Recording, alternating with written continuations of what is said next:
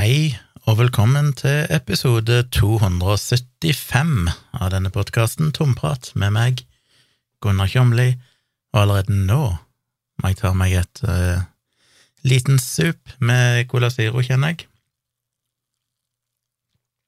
Jeg lover dårlig. Det er lenge siden sist. Jeg har vel ikke kommet med en podkast nå på ei ukes tid. Og grunnen er at jeg har vært vekkreist, som mange av dere vet, for jeg er jo overivrig etter å fortelle om det i mine tidligere episoder. Jeg sitter jo her og forteller om alle mine planer i livet, så dere er fullt oppdatert på hva jeg driver med. Eh, meg og Tone reiste jo til Oslo forrige tirsdag. Kom jeg med en episode da? Jeg tror ikke jeg kom med en episode forrige tirsdag fordi jeg var så ekstremt travel kvelden før med å forberede foredrag som jeg skulle holde. Um, sånn var det, ja. Så teknisk sett kunne jeg ha sluppet en episode, men jeg ble sittende til langt på natt og, og jobba med foredrag og hva det nå mer, og et eller annet annet jeg drev og dilla med. Så det ble rett og slett ingen episode. Og så kom vi jo tilbake igjen uh, på kvelden fredag kveld, og da lurte jeg litt på om jeg skulle haste inn en episode og bare slippe den på kvelden på fredagen, men jeg hadde ikke overskudd til det. Og så var det en plan om kanskje jeg skal spille inn en på lørdagen, da, og slippe en, men det ble ikke noe av det heller. Så da blir det nå. Så det er ei uka siden sist, blir det vel, da. Eller egentlig mer enn ei uke. Anyway, vi reiste, vi kjørte til Oslo på tirsdag. Um, drev og jobba den dagen uh, Jeg prøver å huske hva jeg gjorde.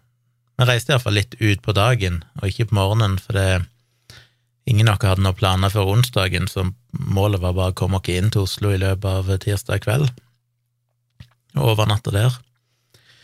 Og vi kom oss vel av gårde i tre-ti eller noe sånt på ettermiddagen, som var tidligere enn det jeg trodde, men da hadde jeg fått fullført det jeg skulle gjøre på jobb, som var kritisk, og jeg var klar til å reise. Jeg fikk jo denne nye Macbooken min eh, på mandagen, var det vel, så ja, kanskje det jeg brukte så mye tid på på mandag kveld. Jeg måtte jo gjøre den klar, så jeg hadde alt klart til avreise. Og det er litt av en prosess. Jeg eh, Det er mye programmer og små utilities og oppsett som jeg må få på plass når jeg får en ny maskin. Teknisk sett så kan du jo overføre innholdet fra én maskin til en annen maskin når du får en ny maskin. Det har jeg aldri gjort, fordi at det er noe med det at jeg liker Jeg føler alltid hvis jeg overfører en eksisterende maskin til en ny maskin, altså innholdet, dataen, så føles det som at jeg drar med meg alle potensielle feil og rusk i systemet som har akkumulert seg over tid. Så jeg liker det å starte med et helt rent system, installere alle programmene på nytt fra scratch og bare få alt på plass. Men det er så mange småting som skal inn, mange tweaks og tilpasninger jeg ikke har gjort, som skal på plass. Og det er òg en del data som skal flyttes. Jeg oppdaga jo at eh, jeg måtte jo kopiere ut noe data som lå på den gamle Mac Minien som jeg har brukt her på kontoret før. Og det er jo ofte Altså, en tenker jo at data tar ikke så lang tid å kopiere, men når det plutselig er snakk om liksom et par terabyte, du oppdager at du har plutselig et eller annet liggende som skulle egentlig vært leie på lagringsserveren, og det da skal kopieres over nettverket, ikke via en eh, USB eller Thunderbolt eller et eller annet uh, kjapp lokal kobling, men over eternett så tar det tid, selv om jeg har gigabit eternett, så tar det fortsatt en del tid. Så det ble jeg jo sittende og vente på i evigheter før jeg endelig kunne få rydda systemet og, gjøre alt klar. Så jeg ble nå ferdig til slutt, men det må jeg si, jeg er veldig fornøyd med den nye maskinen. Jeg bestilte meg jo en, eh, og det er jo lenge siden, dere vet det, tilbake i januar, men det var lang leveringstid på det, i nesten to måneder, så jeg fikk den jo omsider nå. Men det var en uh, ny Macbook Pro M1 Max, som vel er så høyt spekka en kan uh, på prosessorsida, det vil si han er maks antall CPU-cores og GPU-cores av det de leverer. Men du kan få mer minne. Jeg bestilte vel denne med 32 gigabyte, du kan vel få med 64. Og jeg har to terabyte intern disk, du kan vel få opp til åtte eller et eller annet sånt, tror jeg, som er smelldyrt. Jeg har hatt én terabyte på den forrige, den Macbook Airen jeg har hatt tidligere, Og det burde jo egentlig være nok i de aller fleste situasjoner. Det er bare det at når du skal redigere video, så er det ofte raskere, eller det er vel alltid raskere, å redigere videoen på intern disk heller enn å ha den liggende på en ekstern disk og redigere den der, selv om du har en eventuelt en kjapp SSD. Ikke veldig mye forskjell, kanskje, hvis du har en god og kjapp SSD, så er, det temmelig kjapt, men det er fortsatt kjappere å ha den på en intern disk. Og akkurat det er jo Apple veldig god på, at de SSD-ene de har inni maskinene sine, er jo lynraske. Så jeg ville ha nok plass til at jeg komfortabelt kunne redigere en video internt på maskinen. Så da gikk jeg for to terabyte, for det er én terabyte har bare akkurat litt lite i noen situasjoner. Jeg må drive og flytte ut data og sånn for å klare å få redigert ting. Så det var den maskinen jeg fikk. Og så bestilte jeg den jo i 16-tommers-versjonen. Og det har jeg jo vært usikker på. Du kan jo få den i 14 tommer og i 16 tommer. Fordelen med 14 tommer er jo som nevnt at det er jo selvfølgelig en lettere maskin, mindre maskin, lettere å dra med seg, altså mer mobil. Ulempen er jo at det er mindre skjerm. Og jeg har slitt mye med, med laptoper, fordi jeg reiser jo en del. Jeg har ikke gjort så mye de to siste årene av naturlige grunner, men i det vanlige livet mitt, når verden er normal, så er det en del reising. Både nå, fordi jeg reiser mye til Oslo og fotograferer og sånn, men òg i forbindelse med foredrag eller jobbreise eller for så vidt ferie. Og jeg må jo Jeg har jo vakt 24 timer i døgnet i jobben min. Jeg må alltid være på hogget hvis det skulle dukke opp et eller annet eh, på serverne, et eller annet som må fikses, en bug. Så jeg må ha en maskin jeg kan jobbe på komfortabelt. Og jeg har jo alltid hatt en idé om at ja, men jeg kan sitte på hotell og jobbe, eller hvis jeg har noe dødtid på et hotell i forbindelse med et foredrag eller et eller annet sånt, så tenker jeg alltid jeg skal sitte og jobbe. I realiteten har jeg jo egentlig aldri fått det til. Jeg kan gjøre det hvis det er kritiske ting, men mer sånn ikke-kritiske ting, det er å bare sitte og, og jobbe med ting, enten det er personlige prosjekter eller det er jobb-jobb er vanskelig når skjermen blir for liten, for jeg får helt klaustrofobi. Jeg får ikke, jeg er jo, altså Normalt jeg sitter jo her nå med en 32-tommers 4K-skjerm som hovedskjerm, og så er jeg en 27-tommers 5K-skjerm som secondary screen. Og jeg har mye apper oppe, kommunikasjonsapper, terminalvinduer, alt mulig. Så jeg trenger mye plass for å jobbe effektivt.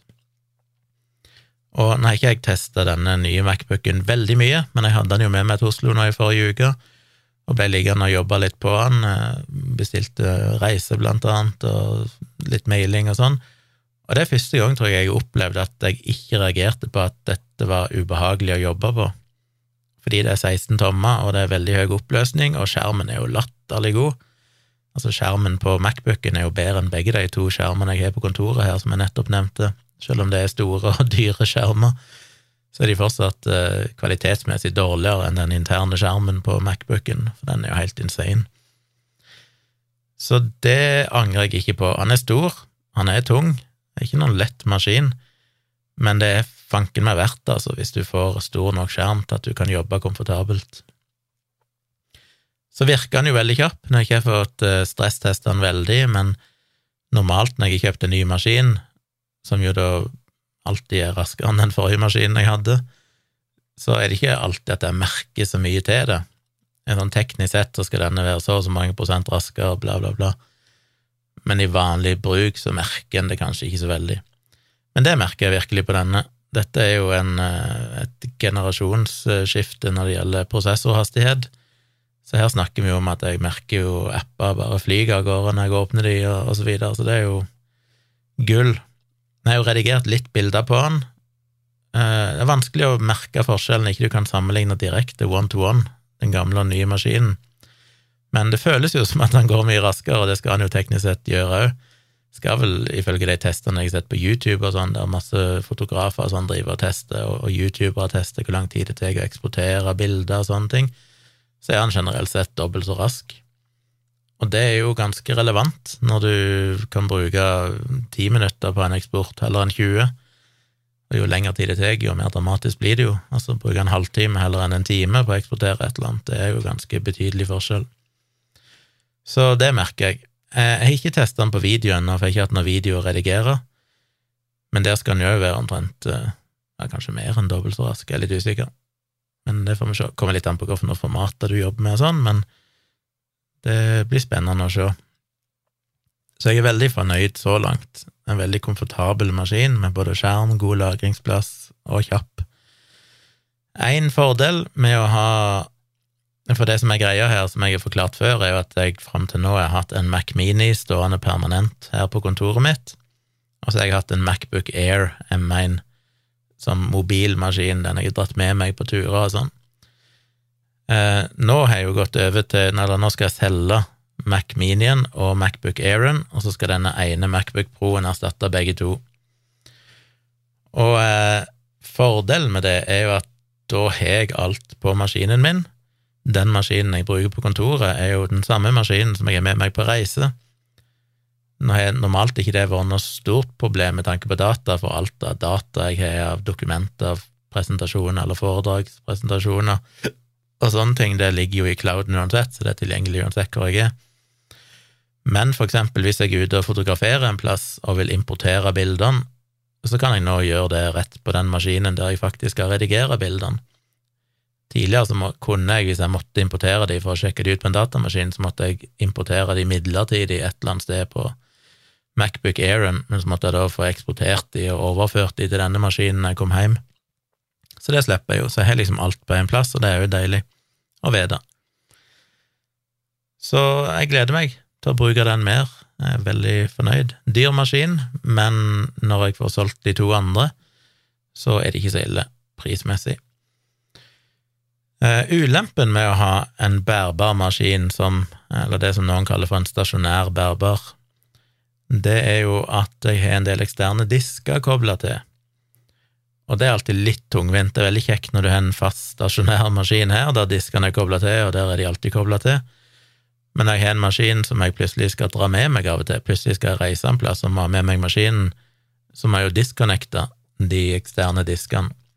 Og det er jo ikke bare å nappe ut en kabel, du må jo passe på å unmounte de på en skikkelig måte.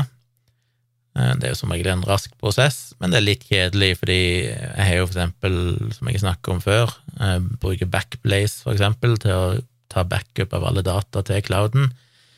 Nå som jeg har en ny maskin, så er jo man jo plutselig lage en helt ny backup, og da er det jo snakk om ja, ikke bare innholdet på maskinen, for det er jo ikke så mye ennå, men de eksterne diskene som inneholder flere terabyte med data, de var jo allerede synka til clouden, men fordi jeg nå har kobla de til en ny maskin, så må de resynkes til clouden, for han ser på de som to nye disker. Eh, så det vil jo ta ja, sannsynligvis ukevis før han har fått synka alle de dataene til clouden en gang. Og når jeg da er vekke, så får han ikke gjort det. Så det var jo greit tidlig at da kunne han jo stå og kopiere eller backe opp data til clouden 24 timer i døgnet, uansett om jeg var hjemme eller ikke.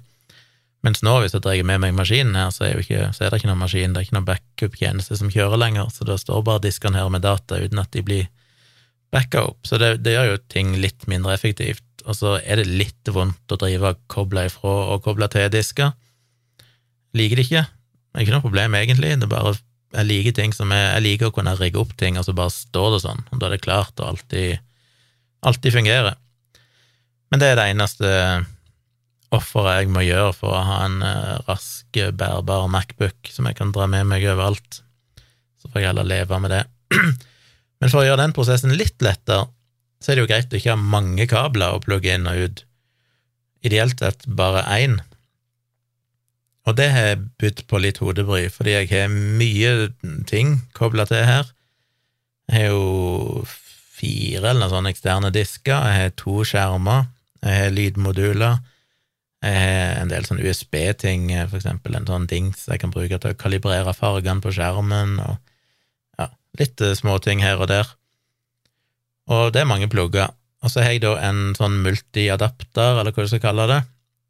Um, eller jeg har én som inneholder hva er det, ti eller noe sånn USB-porter, altså USB-A, den gamle, flate, gode gammeldags USB-en.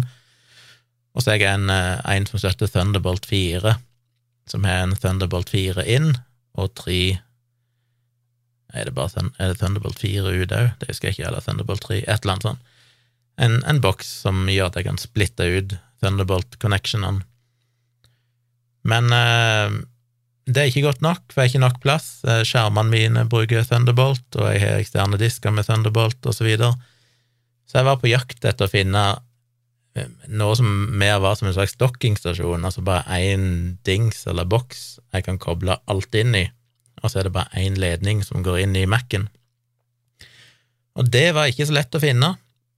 Eh, det var vel bare egentlig Ja, det var noen få på markedet. Den som egentlig er mest aktuell, som jeg ikke husker navnet på nå, for jeg har det ikke foran meg, men det kom en, en dings fra en eller annen produsent her for noen måneder siden som har 18, tror jeg, forskjellige porter. Den har liksom både HDMI og Thunderbolt og USB-C og USB-A og lyduttak og alt mulig rart. Nettverk, gigabit eternett, eller egentlig mer enn gigabit, vel 2,5 gigabit eternett. Og litt sånn som virka perfekt basically en, en dockingstasjon, sånn som jeg husker i gamle dager når jeg hadde sånn Lenovo Windows-laptop, og så hadde du en sånn uh, uforma, eller en sånn dokkingstasjon som var virkelig en dokkingstasjon, altså en, en ding som var like stor som hele Macbooken, som du la Macbooken oppi, som hadde masse porter på baksida som da passa inn i alle hullene i Macbooken, så du bare trykte den inn på plass. Uh, men det er ikke det jeg vil ha. Jeg vil jo bare ha en ekstern boks med én ledning som jeg kan plugge i Mac-en. Så den uh, ultimate sånn docking-boksen, den var jo helt umulig å oppdrive, ikke bare i Norge, men òg internasjonalt. Jeg sjekka jo på nettsiden til produsenten, der de hadde lenka videre til alle resellers, men jo ingen som hadde den, verken i EU eller USA. Så den var tydeligvis solgt ut med en gang, for alle skulle ha den, og så har de ikke rukka å produsere nok. Så jeg måtte se på det som var nest best, som hadde litt færre porter og så videre, og fant til slutt én hos en av eh, en norsk leverandør som jeg bestilte. Og da jeg bestilte den, så var jo ikke den heller på lager, men han skulle komme inn dagen etterpå. Så bestilte jeg han, og så fikk jeg jo mail dagen etterpå om at nå venter de han ikke på lager før 31. mars. Så jeg håper jo han kommer da, at ikke det er sånn som blir, blir utsatt og utsatt og utsatt, for den trenger jeg. Så jeg håper jeg får den, og da blir ting litt lettere. Jeg har slitt litt med, av en eller annen grunn nå, at uh, den eksterne boksen jeg har nå, som jeg har kobla noen eksterne disker i, den resetter seg bare eller et eller annet, for bare plutselig så popper det opp masse meldinger på skjermen min om at alle diskene er, er kobla ifra, og at jeg får sånn advarsel om at jeg må koble det ifra på en ansvarlig måte. Så den bare krasjer eller et eller annet, og så mister alle diskene connection, og så må de koble til på nytt. Og det er litt kjipt. Det er jo både risikabelt med tanke på dataintegritet, men òg at alt av backuper og sånn stopper opp da, og må liksom skannes på nytt for å finne ut hvor langt de var kommet, og starte prosessen på nytt. Litt usikker på hvorfor det skjer. Mulig fordi jeg hadde for mye kobla til, så nå kobla litt om på det i stad. Jeg hadde en skjerm kobla til, blant annet, som jeg flytter over til en annen port her. Så får vi se om den er mer stabil. Men det er litt sånn scary, så jeg håper jo når jeg får den nye dockingboksen, at det problemet ikke fortsetter der, selv om jeg da skal koble alt til den. Og så sliter jeg òg med å få organisert kontoret mitt, det er jo alltid kaos her, føler jeg. Så jeg var inne og søkte litt på nettet, og så fant jeg en nettbutikk oppe i Bergen, tror jeg, som jeg ikke husker navnet på, men som egentlig bare lager masse greier som er laga av tre. Og altså jeg håndlaga, jeg vet ikke om det er håndlaga, men det er iallfall ja, ekte tre, sånn at alle ser litt forskjellige ut. Det vil være litt variasjon i alle produktene, for det er liksom laga i, i forskjellige tresorter. Og de hadde en sånn eh, Hva skal du kalle det?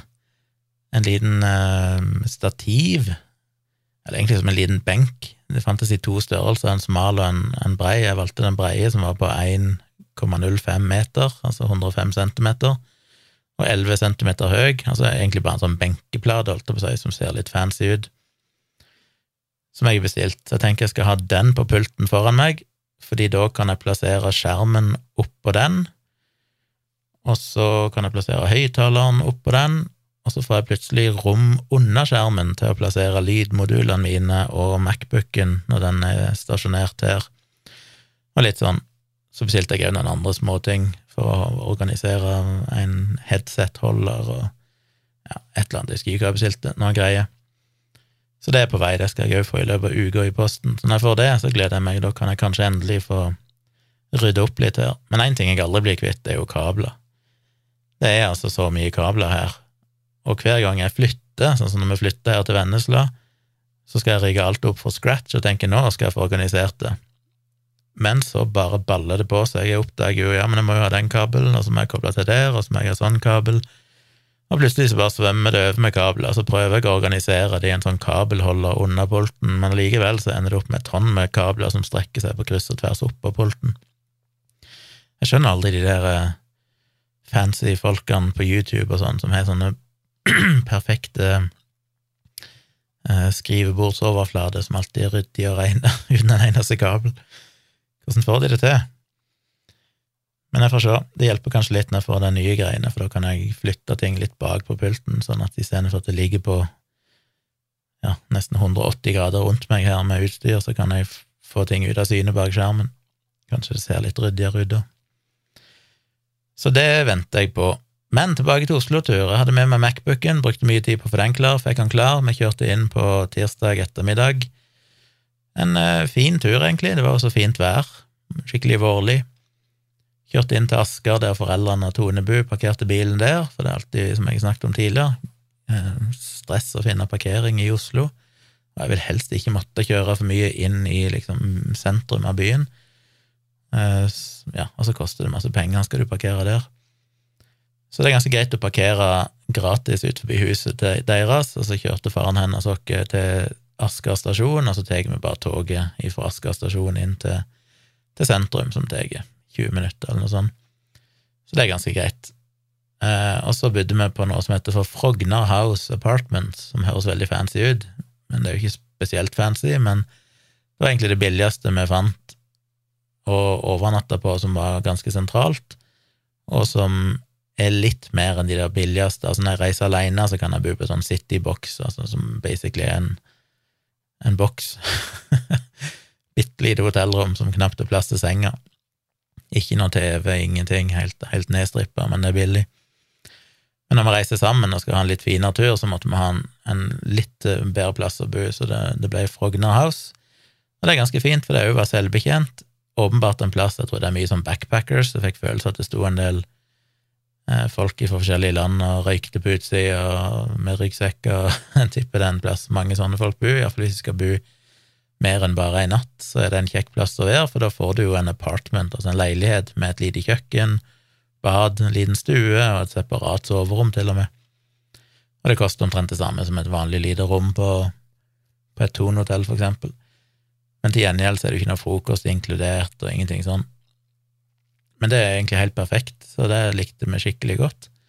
Bodde der rett overfor den ukrainske ambassaden, oppdaga vi, og rett over gata, fordi der var det jo plutselig opptog med masse folk som kom med flagg og spilte ukrainsk musikk og la ned blomster og tente lys på trappa der og, og greier. Og så var det jo politiovervåking, politipatruljer, som gikk der hele tida, så det var jo Føltes litt jeg om det føles trygt eller utrygt. Det føltes trygt i den forstand at det var mye politi der hele tida, 24 timer i døgnet. Litt utrygt med å tenke på at hvis noen russergalninger skulle finne på å sprenge ambassaden, så ville kanskje vi gått med i eksplosjonen. Men jeg bodde nå der, det var greit. På onsdagen så reiste Tone for å tatovere seg ferdig, og hun har en ikke ferdig, men tatovere seg videre på ryggen og rumpa, ble det plutselig. Vil dere se det, så ligger det en ny video ute på hennes YouTube-kanal som heter Tone Sabro. Eh, den heter noe sånt som Back Tattoo Part 2 eller noe sånt, for hun har lagt en Part 1, den første delen av tatoveringa. Da får dere òg sett litt av rommet vi bodde i, og litt av kjøreturen og litt sånn. Hvis du er nysgjerrig på det, en kort liten video på tolv minutter eller noe sånt.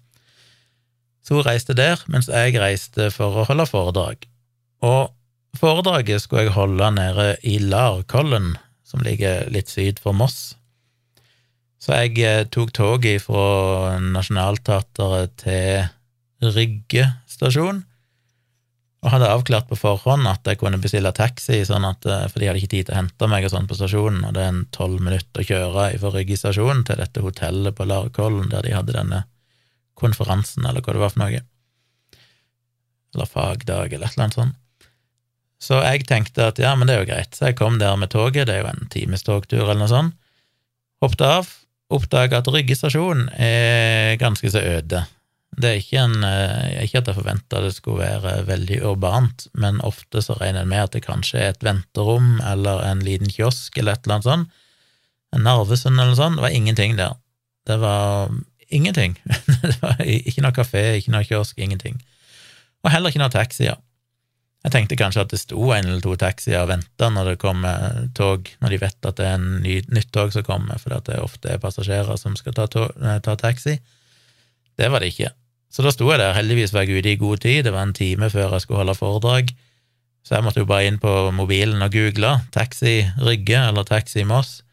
Jeg fant først ett selskap som jeg ringte, men der virka ikke telefonnummeret. Prøvde neste, fikk tak på Moss Taxi, og hun dama sa at eh, ja, vi skal sende en bil, og så glemte jeg å spørre hvor lang tid det ville ta. Så jeg gikk jo bare og spankulerte rundt der, hadde jo ingenting å gjøre på, det var helt tomt, bare gikk fram og tilbake.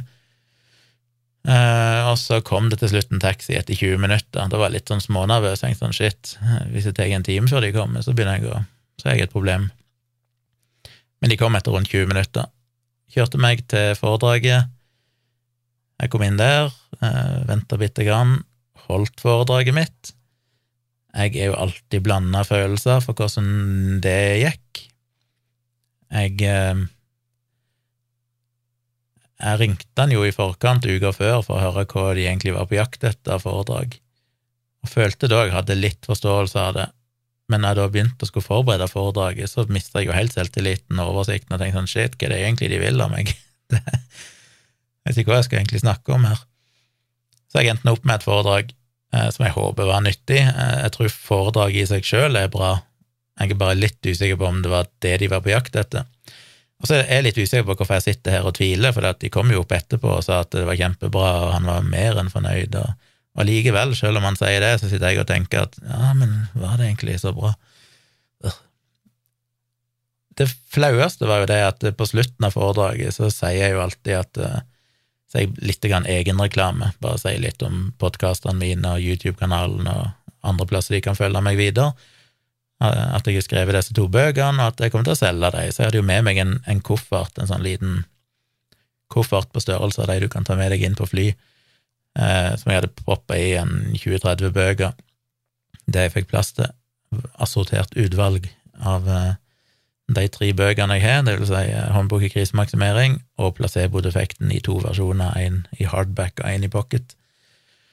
Og så sa jeg det at jeg kommer til å stå på utsida hvis noen vil kjøpe bøker, bla, bla, bla, så kan jeg selge signerte bøker. Og så var det pause etterpå, da, så jeg gikk ut og stilte meg der med bøkene, og så går alle ut for pause, og alle går basically bare forbi meg. Og det er altså Og det er jo ikke første gang jeg opplever det, det er jo derfor jeg hater å selge bøker, fordi det går alltid én av to veier. Enten så skal alle ha bok, og jeg blir utsolgt, eller så er det egentlig ingen som skal ha bok. Det er sjelden det er noen sånn mellomting, at det kommer et akseptabelt antall interesserte bort for å kjøpe bok. Så det virker som en slags sånn massepsykose, en sånn psykologi i det, at hvis, hvis, noen begynner, så henger andre seg på, men hvis ingen tar initiativet, så, så skjer det liksom ingenting. Så jeg solgte vel to bøker i løpet av den tida jeg sto der, så kom der to personer bort til slutt og, og kjøpte hver sin bok. Men eh, jeg måtte jo basically dra med meg alle bøkene tilbake igjen, og det var litt kjedelig. Men nå gjorde jeg nå det, og oppdaga at jeg har jo ikke tid til å rekke det toget jeg skulle ta. Jeg skulle ta et tog klokka fire. Hadde bestilt billett til det, tur og tur.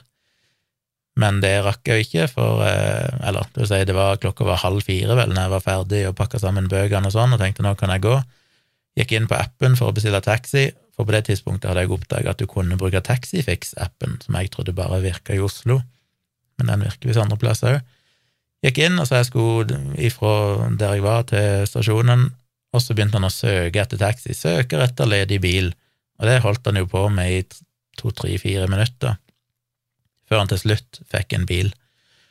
Og da hadde jeg jo ja, 20 minutter på meg før toget gikk, men så sto det at ankomsttid var 10-15 minutter før taxien kom. Så da tenkte jeg fuck, det er jo løpekjørt, så jeg måtte jo bare kansellere den billetten. Det var heldigvis mulig å gjøre med full refusjon. Men neste tog gikk jo ikke før en time seinere, det går bare én gang i timen. Så jeg kom jo fram til stasjonen bare noen få minutter etter at toget hadde gått.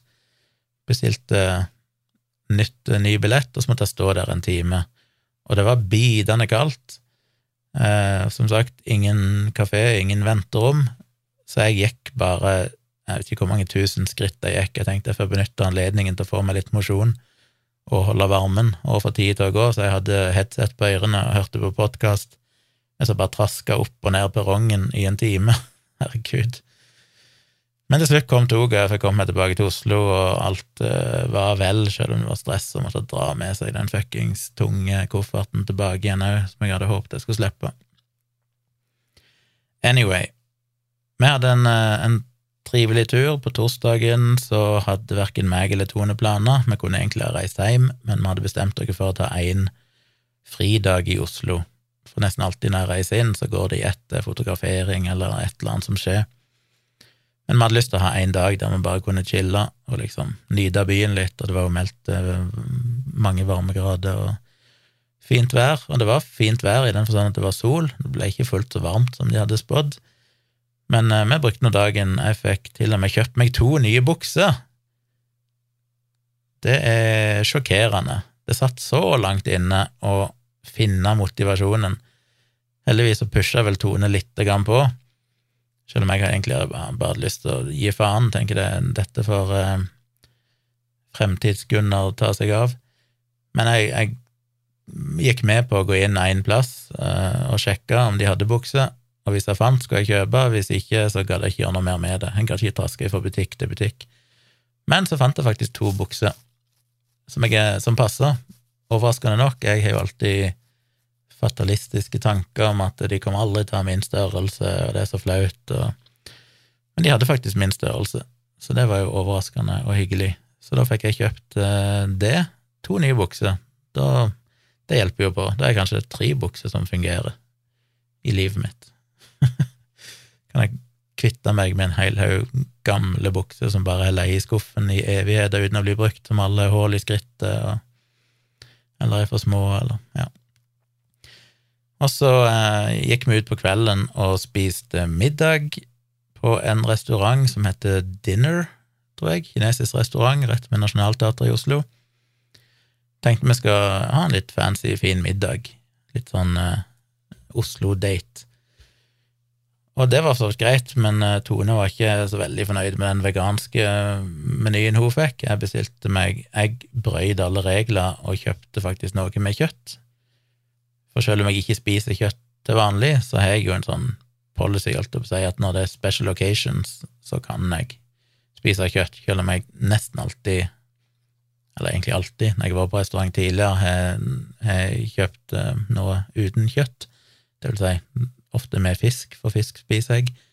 Men denne gangen var det liksom Jeg hadde lyst, når jeg først var der, så ville jeg ha noe av det jeg syntes så virkelig godt ut, og det var liksom en kjøttrett, så da synda jeg litt der og tenke at det er helt greit, fordi det viktigste er jo ikke unntakene du gjør, men det er jo hva du gjør i hverdagen, og i hverdagen spiser jeg jo ikke kjøtt, som utgjør Jeg skal ikke begynne å regne prosenter, hvor mye prosenter det utgjør av kostholdet mitt, men, en betydelig andel.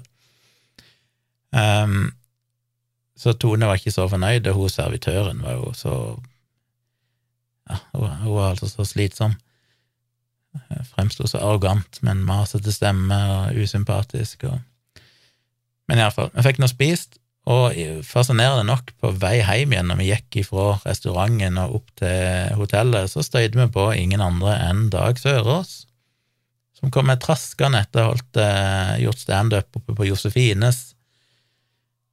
Eh, så det var jo litt random at vi bare plutselig møtte på en av de få personene vi kjenner i Oslo setter vi bare på. Han var litt i farten, skulle rekke en buss og sånn, men vi fikk slått av en liten prat i uh, vårmørket før vi gikk hvert til vårt, til vårt, til vårt, til vårt, til vårt, til vårt, til vårt. Ja, var ikke det fancy? Nå fikk jeg akkurat sagt at uh, oi, der krasja diskene igjen, sånn at alle diskene ble mata ut, som jeg snakket om tidligere, som jeg håpet ikke skulle skje mer, men det gjorde det jo. Og så sier jeg eh, men det påvirker ikke opptaket, for det blir spilt inn lokalt på disken. Så tenkte jeg bare skulle sjekke, og så ser jeg plutselig at han ikke spiller inn mer. Og så skulle jeg høre på det, og så oppdager jeg at han bare har loopa det siste ordet jeg sa, til vårt, til vårt. Morsomt. Men det jeg skulle si, var at vi gikk hvert til vårt, og så, eh, ja, så reiste vi hjem dagen etterpå, på fredagen. Kjørte den lange turen tilbake igjen til Vennesla. Hørte på podkast og musikk og, og greier. Og det var en hyggelig tur, som sagt. Eh, sjekk ut Tone sin video, så ser dere at hun var veldig så fornøyd med en liten Oslo-ferie igjen. Og så er det jo ikke lenge til jeg skal tilbake igjen, jeg føler tida går så fort. Nå, ikke denne uka, men allerede neste uke så skal jeg jo tilbake igjen for å ta bilder. Normalt er det jo en måned mellom hver gang, men på grunn av dette foredraget nå, så ble det jo bare to uker mellom turene mine. Så da må jeg planlegge det òg, finne ut hvor jeg skal bo hen og alt det der. Men det var mye prat om eh, ting som har skjedd i livet mitt jeg har fått et nytt bryllup jeg skal fotografere. Jeg har jo booka et bryllup allerede som jeg skal fotografere i slutten av mai oppe på Geilo, og så har jeg fått eh, plutselig ut av det blå så kom det en ny henvendelse. Jeg har sagt det før, nå fikk jeg déjà vu, eller sa jeg det bare i Jeg hadde en sånn spontan livestream her på, på lørdagskvelden, eller natt til søndag, der jeg bare plutselig fant ut at det er ikke noe å gjøre på. Jeg går ned og kjører en livestream helt uannonsert, og så dukka det jo opp en 25 personer eller sånn ut av det blå som så på, så det var jo gøy. Så jeg sa jo litt av dette i den livestreamen òg, så jeg føler jeg meg sjøl. Men jeg skal fotografere et bryllup. Det kom ut av det blå en henvendelse via nettsidene mine på foto.tjomli.com, der en som jeg tror jeg fant ut han fulgte meg på Twitter eller Facebook eller noe sånt, så han vet tydeligvis hvem jeg er, så helt ut av det blå kommer det ikke. Kanskje han hører på podkasten her òg, for alt jeg vet. Men, eh, men det var jo superhyggelig, så vi ble enige om det. Det skal være i begynnelsen av juni i Oslo, på et, eh, et fint hotell, så det kan bli ganske så kult, tror jeg. Det blir litt annerledes. Og jeg, jeg liker jo det at, eh, at de virker som laidbacke og litt uformelle folk, så vidt jeg har skjønt, både de på Geilo og de i Oslo, og det er, en, en, det er, fint for meg nå som jeg er litt sånn i startfasen på bryllupsfoto. Jeg tar litt stress av meg, at ikke det er sånn store forventninger til at ting skal være veldig eh, Altså, det er jo noen som gifter seg som har enormt med mm, ideer om hvordan ting skal være. Det ser jeg jo når jeg følger disse bryllupsfotografene på YouTube og sånn. Altså det, det, er jo en viss etikette holdt opp si, rundt dette med bryllupsfoto du skal ha akkurat de og de bildene, og det skal se sånn og sånn ut. Og det er jeg jo kjent med og i stor grad kan gjennomføre, men jeg liker jo òg at det er litt mer laidback, at jeg òg kan kjøre litt mer min, min stil og, og, fremgangsmåte. Så det tror jeg blir veldig bra, og det blir veldig kult, for da får jeg to nye bryllup som jeg har i porteføljen min, og da har jeg plutselig en håndfull med bryllupsfoto jeg kan bruke til, som referansebilder og kanskje jeg kan booke flere bryllup framover hvis jeg liker det. Jeg har jo ikke så mye erfaring, så jeg er jo spent på om jeg kommer til å synes det er stas, men hvis jeg synes det er stas, så er jo det en, eh, en ting jeg har lyst til å gjøre mer av, håper jeg, mest sannsynlig. Og så har jeg òg tilbudt meg å fotografere et band som skal ha en eh, konsert i Oslo samme dagen som det er bryllupet, faktisk, så det avhenger jo litt av om jeg rekker det eller orker, for jeg kommer sikkert til å være dødsliten etter å ha fotografert bryllupet. Men dette er jo bare helt sånn uformelt. Jeg bare sa at jeg ble invitert til en sånn konsert, en slags release-konsert eller noe sånt, for et nytt album, og så av ei venninne av meg som jeg kjenner. Eh, og så sa jeg du, kan ikke jeg ta med kamera og ta litt bilder? Så jeg skal gjøre det gratis. Eh, dere får bilder av meg som dere kan bruke, og jeg får bilder som jeg kan bruke i porteføljen min pluss litt erfaring med, med, konsertfoto, for det er jeg lite erfaring med, egentlig ingen erfaring med det. Og det har jeg litt lyst til å prøve meg på. Så mulig jeg får til det, jeg må jo ta det forbeholdet om at jeg kanskje ikke kommer til å orke det, siden dette bryllupet plutselig ble booka etterpå og viser seg å være samme dato, og det prioriterer jeg jo, for det er jo betalt arbeid. Men jeg får se, det hadde vært litt kult. Jeg skal ikke snakke sånn ja, det skal jeg ikke si, det blir alltid mye prat når jeg prater veldig lenge om ingenting, men eh, jeg, jeg, kan først nevne at uh, jeg endte jo opp helt tilfeldigvis sist. Jeg vet jo aldri hvor hjernen min går når jeg spiller inn, men plutselig så snakket jeg jo om denne lille, rare podkasten som det er rart at noen hører på, og så fikk jeg noen hyggelige mailer ifra folk, så takk for det, at dere setter pris på, på denne rare, lille podkasten. Uh, men jeg snakket jo nylig om denne trans trans-debatten knytta opp mot Folkeopplysningen sin episode om trans. Og jeg kom på etterpå at det var én ting der jeg bare glemte å nevne. Og det var jo eh, eh, Espen Jeg måtte få hele navnet rett her. Espen Ester Pirelli Benestad. Hadde bare notert Benestad. Som jo ble intervjua mye i den episoden og snakket en del om det hen gjør. Eh, og selv om jeg er veldig sans for Benestad, eh, syns at hen er bra på mye av disse debattene, så var det litt skuffende å se den der eh, måten Altså, hva var det? Det var jo noe forskning som var gjort, som eh, Benestad ble utfordra på av Val. Og Benestad snakket jo om at, at eh, hens erfaring, erfaringer tilsa ditten og datten. Og det var ingen tvil om at disse dataene var riktige, for dette så Benestad i sin kliniske praksis hele tida. Og det toucher veldig borti noe som jeg har kritisert mye, og, og skrevet om. Jeg tror jeg skriver om de placebo-defektene òg. Eh, det er et sitat ifra, jeg husker ikke helt hvem det er, en eller annen amerikansk lege som har sagt at the most dangerous thing in medicine is when a doctor says according to my experience, eller noe sånt. Fordi selv om du er lege, så har du selvfølgelig akkurat de samme kognitive biasene og sånn som alle andre. Du skal jo i beste fall være trent til å være flinkere til å identifisere de og unngå de, som en god skeptiker, som egentlig er kjernen i, i skeptisisme på mye, mange måter. Men det er jo fryktelig mange leger, jeg mener alle de legene som driver med akupunktur eller homopati eller alt mulig rart, fordi at de ser at de hjelper pasientene sine. Og det er jo Eller sammen med ME-behandling og Altså, det er mange som sverger til ting fordi at de sjøl ser at det hjelper. De har en pasient som kommer inn, får en eller annen behandling, og er veldig fornøyd x antall dager og uker etterpå, som virker som en suksess, ikke sant? Dette funker, pasienten er fornøyd.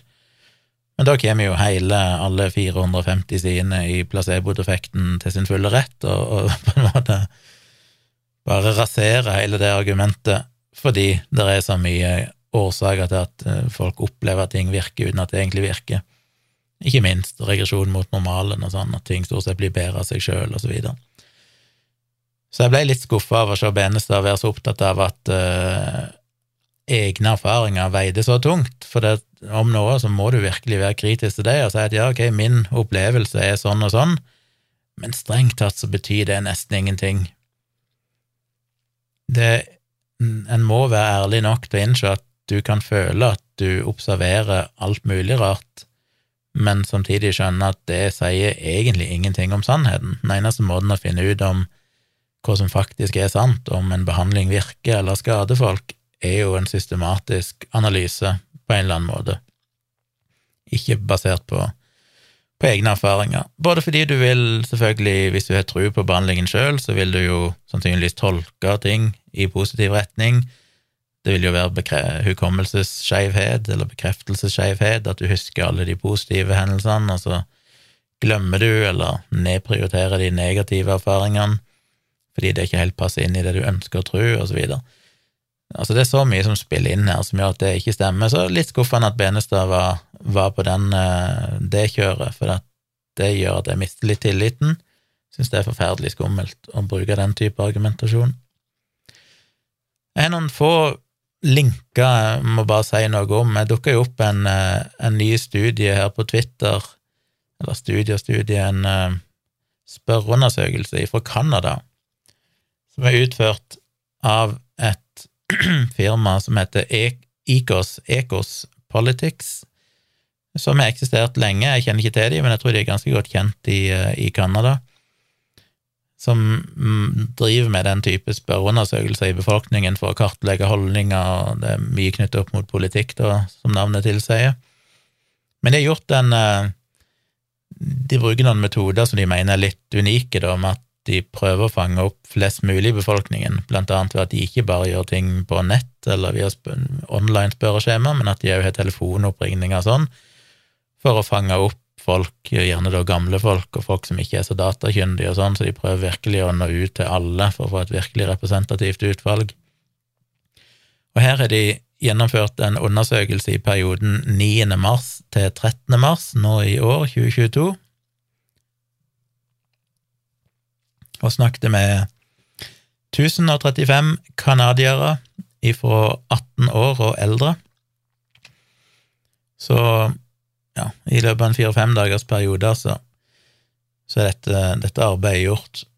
Og det de har sjekka, var rett og slett eh, folks holdninger til Ukraina-konflikten knytta opp mot, eller stilt opp mot, deres syn på vaksiner, som jo er en ganske interessant eh, greie, som toucher jo 100 borti alt det jeg driver og snakker om når det gjelder vaksinemotstand og holdninger og desinformasjon og konspirasjonsteori og hele sulamitten.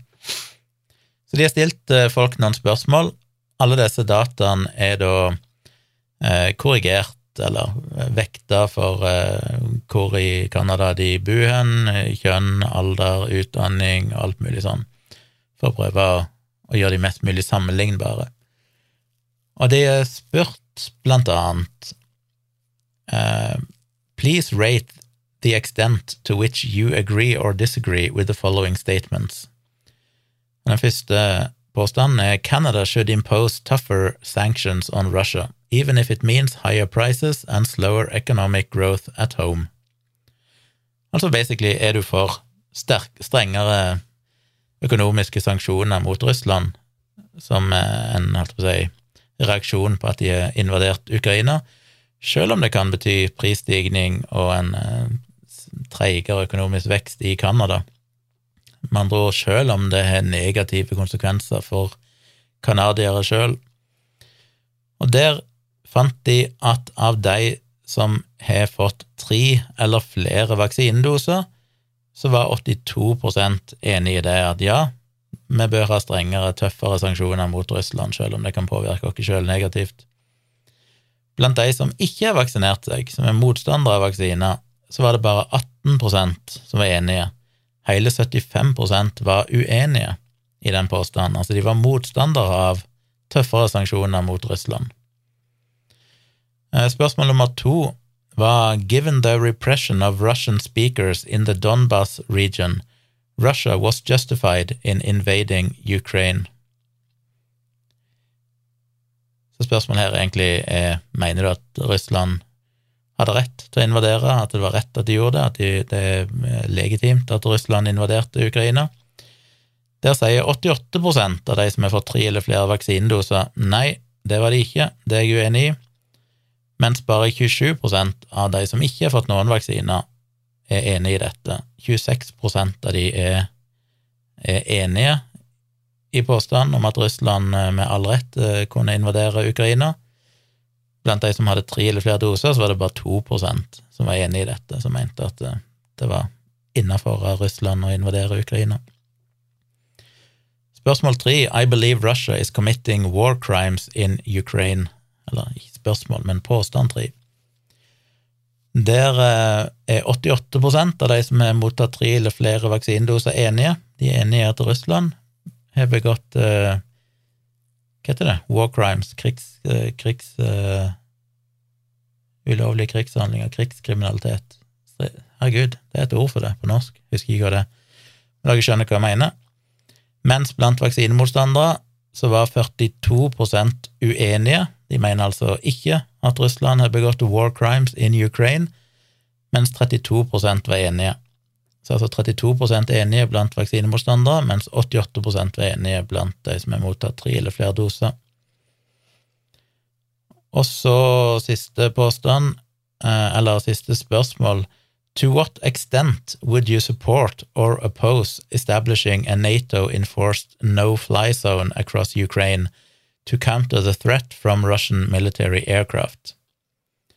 Og Der er 59% av de som har mottatt uh, tre eller flere doser, enige. Altså de er for en no-fly zone over Ukraina, mens bare 18% av vaksinemotstandere er det. Hele 56% av vaksinemotstanderen er uenig i det, og 21 eh, av de som har mottatt tre eller flere doser, er uenig.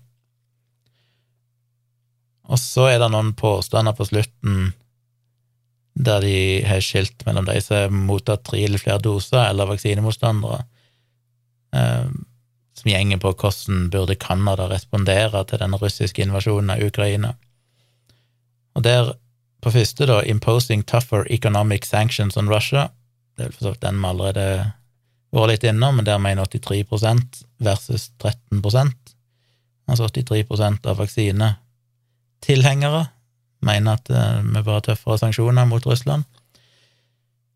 Seizing the assets of Russian oligarchs associated with President Putin. Det mener 85% av provaksinefolk at vi bør, mens bare 13% av vaksinemotstandere mener at det er greit.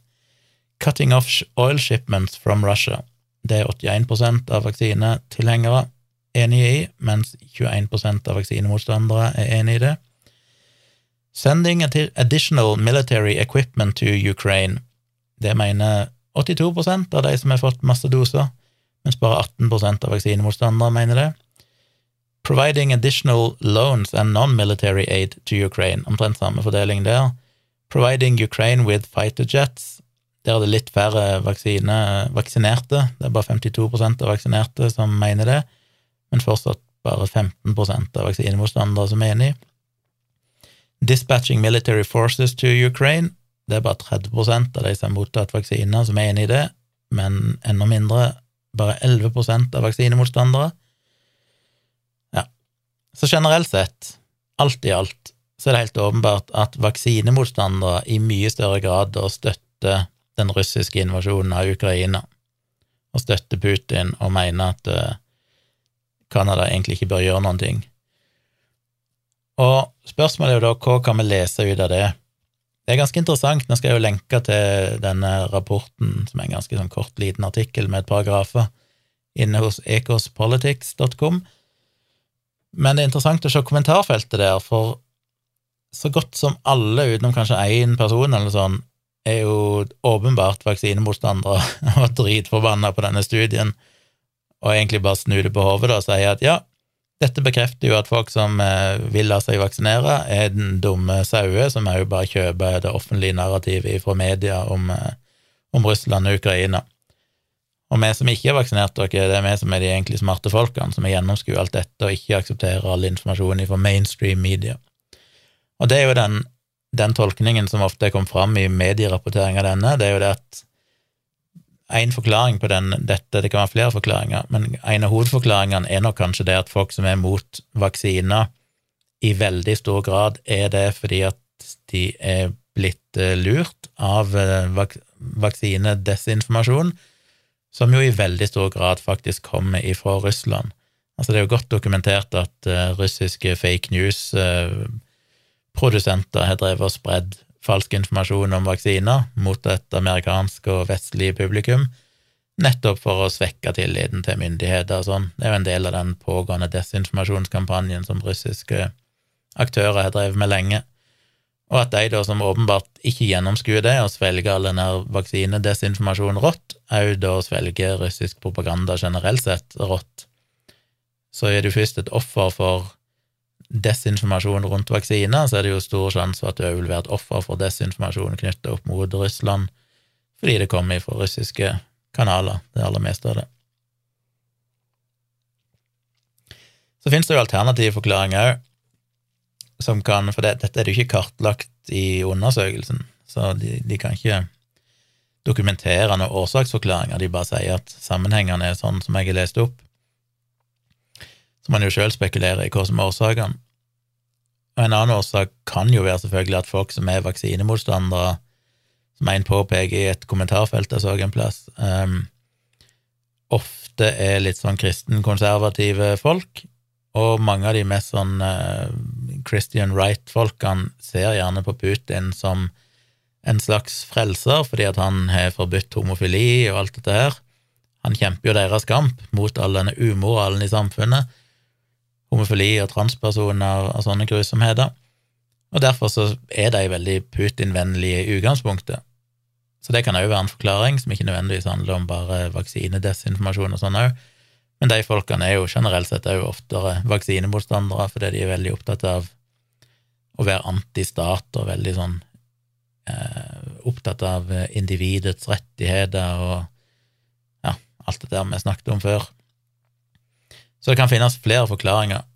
Men veldig interessant å se disse dataene. Jeg vil jo tippe at du hadde kommet ganske likt ut om du hadde sjekka andre land òg. Jeg tror ikke dette er unikt for Canada. Jeg vil tippe du ville funnet noenlunde lignende tall. Hadde du gjort tilsvarende undersøkelse i Norge? Så det er jo spennende. Nå skal han selvfølgelig være klar over at eh, det er vel ganske høy vaksinedekning i Canada òg. Når du spør 1035 personer, så er det klart at tallene på uvaksinerte vil være relativt små, så det er, litt, eh, det er nok en del usikkerhetsmarginer her, men de er oppi de òg, i, eh, i, de underliggende dataene, hvis en laster ned de og ser på de. Men generelt sett så danner det seg i hvert fall et ganske tydelig bilde da, av en sammenheng her. Så jeg tenkte det var interessant å ta for meg det. En annen ting jeg har lyst til å si litt om, som høres eh, for, går fra det ene til det andre, så vil jeg snakke litt om porno. Fordi jeg kom over en artikkel på mashable.com som heter All the best places to click on when you want to get off, som er en sånn liste over anbefalte pornosider. Og det er ikke så lugubert som det kanskje høres ut, fordi dette handler en del om dette med etisk pornografi. Eh, I den artikkelen her, som er helt fersk, nei, den er ikke, den er faktisk fra 2020, men jeg så den nylig, så viser de til en enda eldre artikkel eh, ifra Nå skjønner jeg ingenting. Og de har oppdatert den artikkelen, det er derfor jeg eh, nylig så den. De har tydeligvis oppdatert den med Når var det? De oppdaterte den Nei, det står det ikke. De må ha oppdatert den fordi at de henviser til en annen artikkel som jo er nyere enn denne, og det kunne de jo ikke ha gjort hvis ikke de oppdaterte artikkelen, Men de er fra 2020, begge disse artiklene. Og den uh, artikkelen de henviser til, heter The Best Alternatives to Pornhub and X-Videos. We All Deserve Better Porn. Og den tar jo litt for seg denne etikken i, i bransjen, dette med at det er noen få aktører som ofte eier mange, en hel haug av disse pornonettstedene med forskjellige navn, så er det egentlig én eier som står bak de, som ofte er litt sånn kamuflert og vanskelig å få tak på. De skriver jo litt om problematikken som har vært rundt at selvfølgelig Pornhub og sånn er jo basert på gratisvideoer. Det er ikke en abonnementstjeneste, det er gratis. Eh, og det betyr jo i praksis at de sannsynligvis eh, har mye materiale som som uh, ingen tjener penger på. Det er jo ruinert på mange måter pornobransjen. Mens de tidligere solgte DVD-er og produserte originalt materiale, så er det jo ingen som kjøper det lenger, omtrent. Nå er jo alt gratis på nettet. Og det har gjort det vanskelig for de som jobber i, i den bransjen, å overleve. De har måttet ty til, til andre ting. Alt fra mer ekstremt materiale til mer personlige videoer du kan bestille, sånn one to one, at du vil noen skal lage en pornofilm som ser sånn og sånn ut, bare for deg, eh, og, og mer sånne ting. Men det har vært et problem, det er jo laga mye dokumentarer om det dere kan finne på Netflix og rundt forbi. Eh, men så er det jo dette med at det har vært en del, sånn som Pornhub fikk jo et stort problem her i, for et par år siden, fordi en mente at det fantes uh, barneporno der. Nå har de gått ut og virkelig sagt at det stemmer ikke, og det gjør det nok heller ikke, ikke noe utstrakt grad iallfall. Men det er klart det kan alltid dukke opp. skal være Definisjonen av barneporno er jo noen som er under, eller fremstår som om de er under 18 år. Eh, det er jo ikke snakk om altså, porn, eller igjen, det er jo feil å bruke ordet porno, men overgrepsmateriale av små barn, det ville jo selvfølgelig aldri eksistert der, det ville jo blitt luka vekk veldig fort.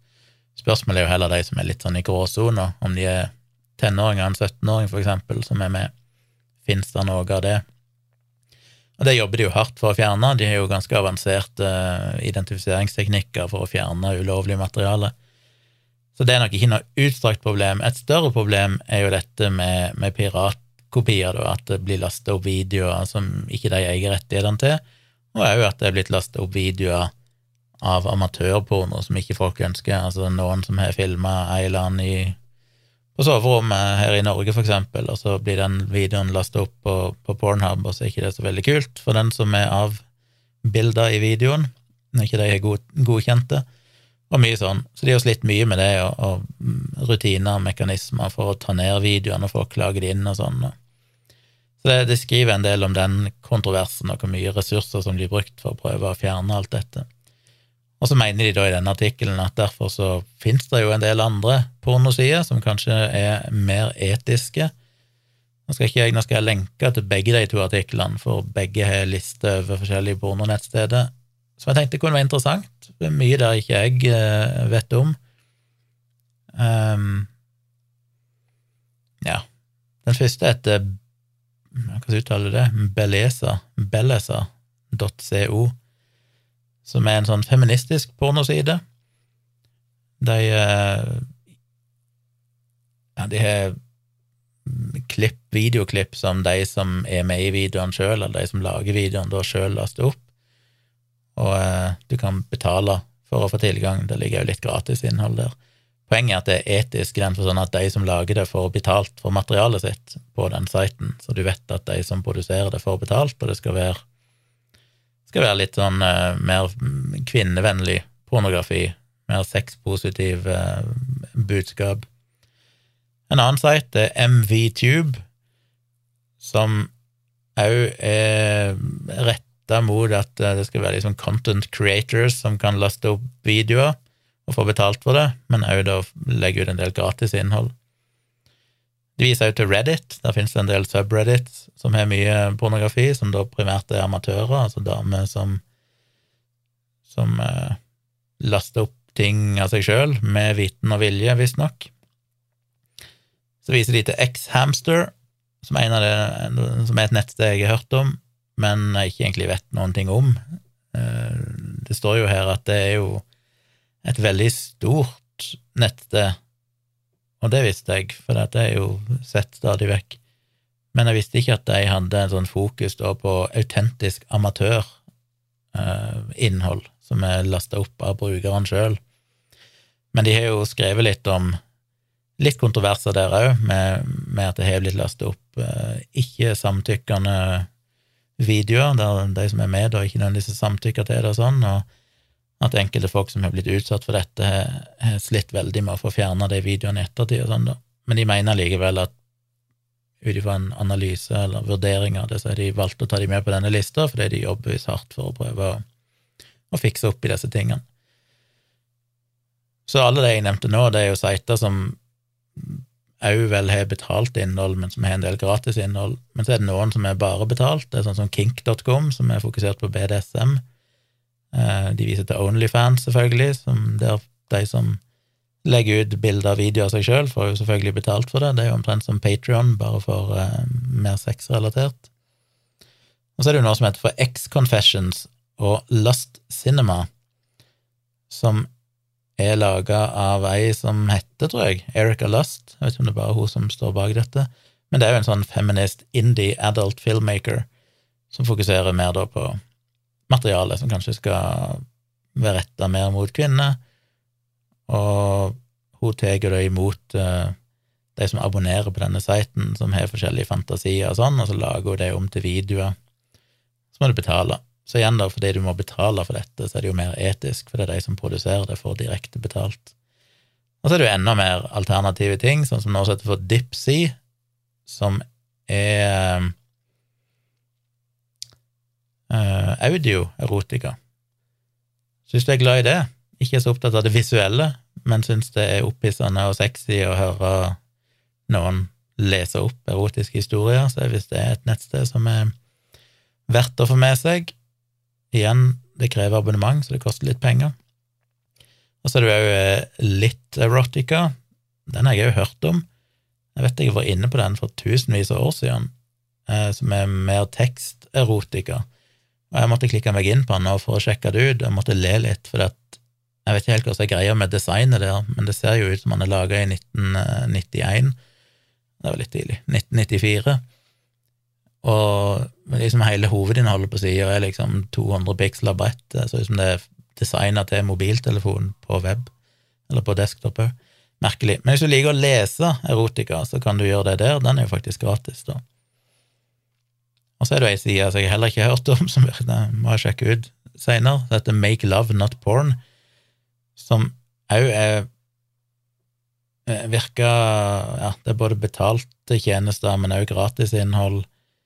Men det er veldig opptatt av at eh, hun som står bak det, sier at det er ikke porno, og det er heller ikke amatør. Men det skal være en sånn motsats da, til Pornhub og alt mulig sånn. Der det er folk som laster opp videoer av seg sjøl, og hvis du går inn og kikker, så er det jo alle slags mennesker. Det er jo på ingen slags måte noe typiske modellmennesker. Altså det er alle aldre, ikke alle aldre, lovlige aldre, alle kroppsfasonger. Det er ikke nødvendigvis porno, det kan være bare kosing og ja, folk som har lyst til å bare laste opp ting av seg sjøl, som finnes der inne. Det er en veldig sånn annerledes pornoside. Make love, not porn. Og så over til den nyeste artikkelen her, der de har sånn topp ti av sider de anbefaler. Og der starter de jo med Pornhub, for dette er ikke ei liste over etisk porno, dette er bare ei tips til hvor du kan finne porno. Alle kjenner vel til Pornhub, mest besøkte pornosider i verden, visstnok. Det er ikke så interessant, men de er jo igjen den der Dip-sida, som er den der audioerotikaen. Nummer tre er X-Hamster, som er nevnt. Nummer fire er Frolic Me. Og det er jo mer sånn kvinneretta porno.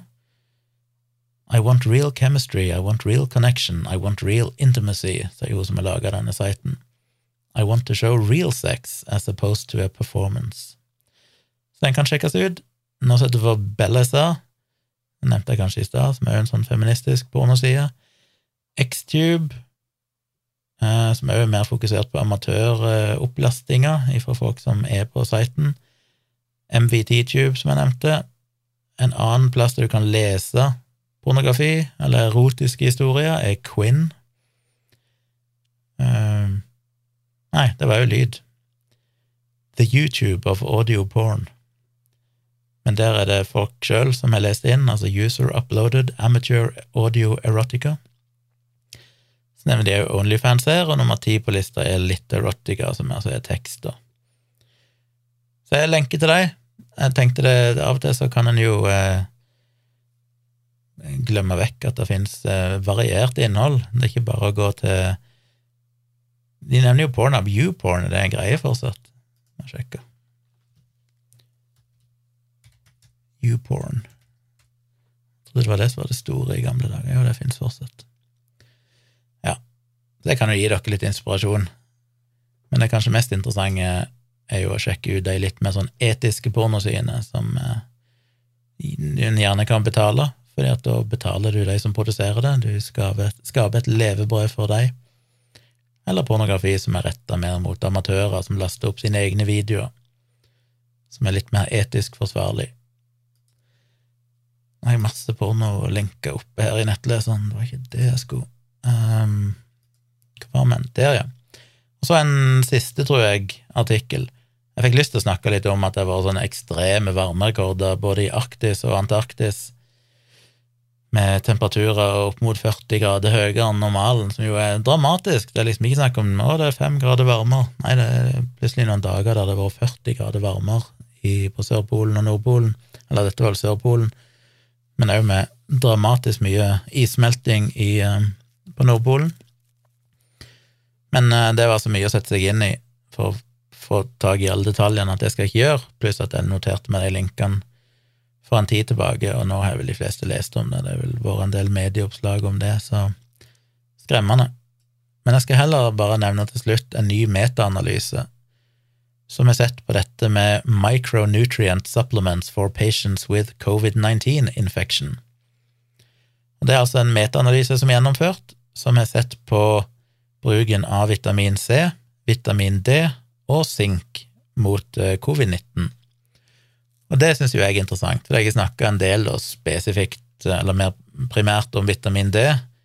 Denne truen enkelte har på at vitamin D er helt fantastisk, og vi burde heller gitt folk, anbefalt folk mer vitamin D heller enn å vaksinere, og så videre.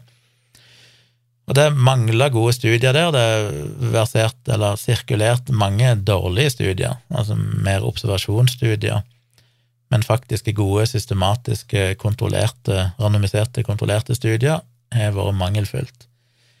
Her har de da gått gjennom eh, medisinske databaser og plukka ut de studiene som er kvalitetsmessig gode nok. De har allikevel vært eh, ikke krevd at det skal være randomiserte, kontrollerte studier, selv om de er inkludert det òg, så er de òg inkludert noen observasjonsstudier her. Men de har vært nøye med at det skal være god kvalitet, liten risk for bias, osv. Kort sagt, uten å gå inn i altfor mye detaljer, jeg skal lenke til studien så dere kan lese sjøl hvis dere vil, men det de fant med vitamin C, var at det hadde ingen effekt med å gi For her snakker vi ikke om nivåene i kroppen ifra før, men det å gi tilskudd før eller etter at folk får en covid-19-diagnose. Og det å gi vitamin C til folk hadde ingen effekt på dødelighet, ei heller på intubation rate, altså hvor mange som ender opp ehm, på som blir intubert med pustemaskin, eller på varigheten eh, de var på sykehuset. Så vitamin C hadde ingen statistisk signifikant effekt på noen av de faktorene. Vitamin D, der fant de heller ingen effekt på eh, dødelighet. Det var ikke noe lavere dødelighet hos de som fikk vitamin D, enten de hadde fått det før de ble syke, eller de begynte med det først etter de ble syke. Men de fant redusert eh, intubation rate og kortere opphold på sykehus, nesten bare halvparten så mange dager på sykehus hos de som fikk vitamin D. Problemet er at de dataene er litt upålitelige, fordi de er mye basert på disse observasjonsstudiene, og det er veldig, veldig små tall de finner. Så de sier at de må tolkes med stor, stor eh, med stor det, eh, varsomhet. Men de fant iallfall ingen effekt på dødelighet i det hele tatt, med det mest eh, solide tallet de har der. Og sink så fant de heller ingenting. Hvorfor sink, tenker du? Vel, sink er jo alltid vært et middel som er blitt anbefalt mot forkjølelse og virusinfeksjoner. Og igjen under covid-pandemien så er det jo mange som har meint at du må Blanda vitamin C og sink og gjerne ivermektin og litt forskjellig da, for å få en sånn optimal effekt, men her finner de heller ingen effekt av sink. Så det beste de fant, var at det kanskje er en effekt med vitamin D-tilskudd på antall dager du er på sykehuset, og risikoen da for å bli veldig alvorlig syk, men ingen effekt på dødelighet.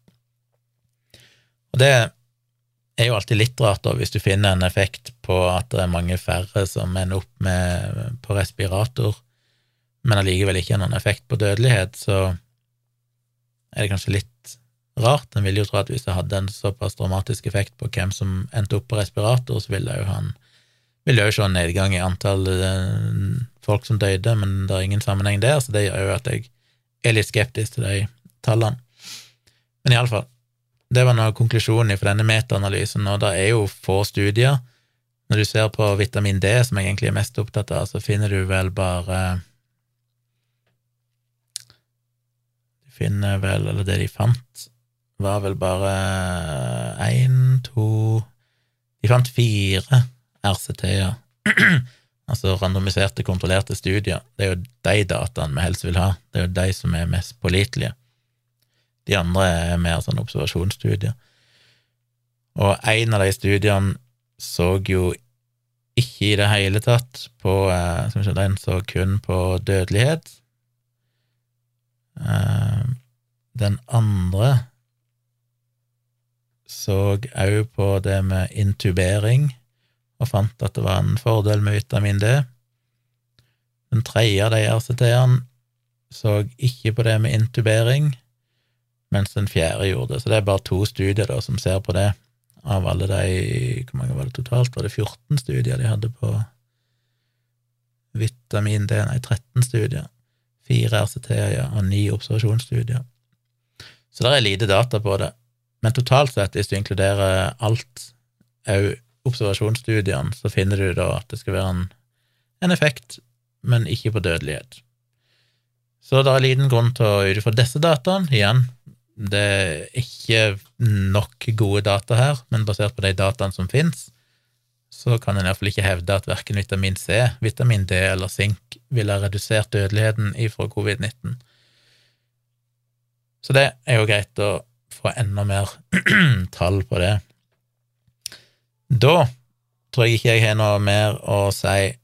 Jeg trodde ikke egentlig jeg hadde noen ting å si som vanlig, men det ble jo en episode, for jeg snakket mye om Oslo, håper det var greit. Um, fortsett å sende meg mail på uh, tompratpodkast at gmail.com. Trenger gjerne tips til ting å snakke om, spørsmål, hva som helst. Blir veldig glad hvis dere har lyst til å støtte meg i arbeidet jeg gjør inne på Patrion. Patrion.com slash tjomli. Der får dere jo den eh, podkasten tidlig og reklamefri, hvis du er lei av å høre reklame. Så stikk gjerne inn og støtt meg der med noen kroner i måneden, så får du podkast og litt andre ting. Eh, jeg fikk òg en mail fra en som hadde hørt jeg skulle selge Macbook Air, og jeg ikke rukket å svare den, selv om han maila meg for et par uker siden. Beklager det, Kristoffer. Jeg har ikke svart, for jeg vet ennå ikke, jeg har ikke kommet så langt, men nå skal jeg begynne å formatere alt opp seg, og resette disse maskinene sånn, og pakke de inn i original emballasje og alt mulig sånn, med alle kabler, sånn at de er klare til å selge, så så må jeg inn på finn.no og se litt hva prisene ligger på, så kommer jeg til å legge ut en annonse. Så kanskje jeg sender link til annonsen til Kristoffer. Når jeg har gjort det, så kan han gå inn og kikke om det er aktuelt, eller noen av dere andre hvis dere er nysgjerrig på å kjøpe mine gamle maskiner, som ikke er så veldig gamle. Det er ikke så lenge siden de M1-modellene kom, de er vel knapt et år gamle. Og veldig fint brukt. Ja. Jeg satser vel på en livestream i morgen kveld, altså tirsdag kveld, 29. mars. Bli gjerne med på det inne på YouTube-kanalen min, Tvilsomt med Tjomli. Eh, på torsdag skal jeg holde et foredrag for eh, sykepleiere i Agder helsesykepleiere i Agder. Det blir jo gøy. Da tenker jeg å snakke om vaksiner og litt om vaksinemotstand og sånne ting. Det tror jeg blir spennende, men det er jo her i Kristiansand, så da slipper jeg å reise så langt.